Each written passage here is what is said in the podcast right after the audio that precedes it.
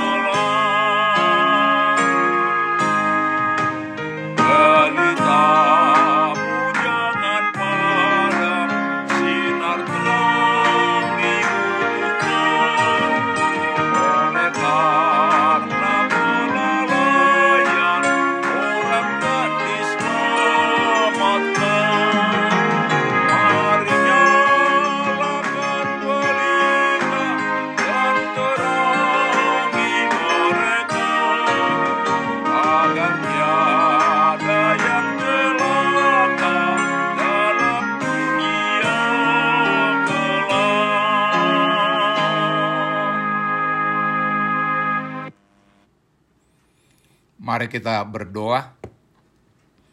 Tuhan Yesus, celikkanlah mata rohani kami untuk dapat mengerti firman-Mu.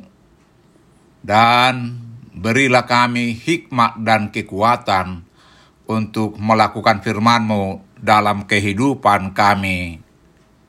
Amin.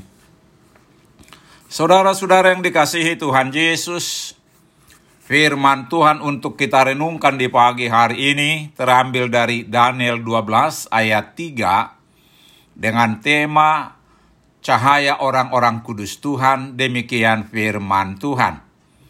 Dan orang-orang bijaksana akan bercahaya seperti cahaya cakrawala. Dan yang telah menuntun banyak orang kepada kebenaran seperti bintang-bintang tetap untuk selama-lamanya. Daniel adalah tokoh besar di dalam Alkitab. Ia adalah seorang pemuda yang luar biasa dan sangat istimewa yang dapat diibaratkan seperti bintang yang bersinar di zamannya. Iman dan integritasnya terhadap Tuhan patut menjadi panutan bagi semua anak Tuhan. Secara umum, seseorang dikatakan menjadi bintang apabila memiliki prestasi yang luar biasa, hebat di suatu bidang, serta dikagumi banyak orang karena kesuksesannya. Dan orang yang telah memenangkan jiwa-jiwa untuk Tuhan, mereka akan bercahaya seperti bintang-bintang selama-lamanya. Siapakah yang akan bercahaya selamanya, yaitu mereka yang mengajak begitu banyak jiwa-jiwa untuk mengenal dan menerima Yesus sebagai Tuhan dan Juru Selamat. Mereka lah orang-orang hebat Tuhan yang akan bercahaya seperti bintang-bintang untuk selama-lamanya. Tuhan ingin agar kita menjadi pribadi yang istimewa. Karena kita diciptakan segambar dan serupa dengan Allah, maka sudah seharusnya kita tidak menjadi orang yang dalam bahasa kerennya disebut mediocre, yaitu orang dengan prestasi biasa-biasa atau rata-rata saja. Tetapi kita harus menjadi seseorang yang istimewa, menonjol dan berdampak bagi orang lain. Saudara-saudara yang dikasihi Tuhan Yesus, Tuhan memberkati kita supaya kita menjadi berkat bagi orang lain.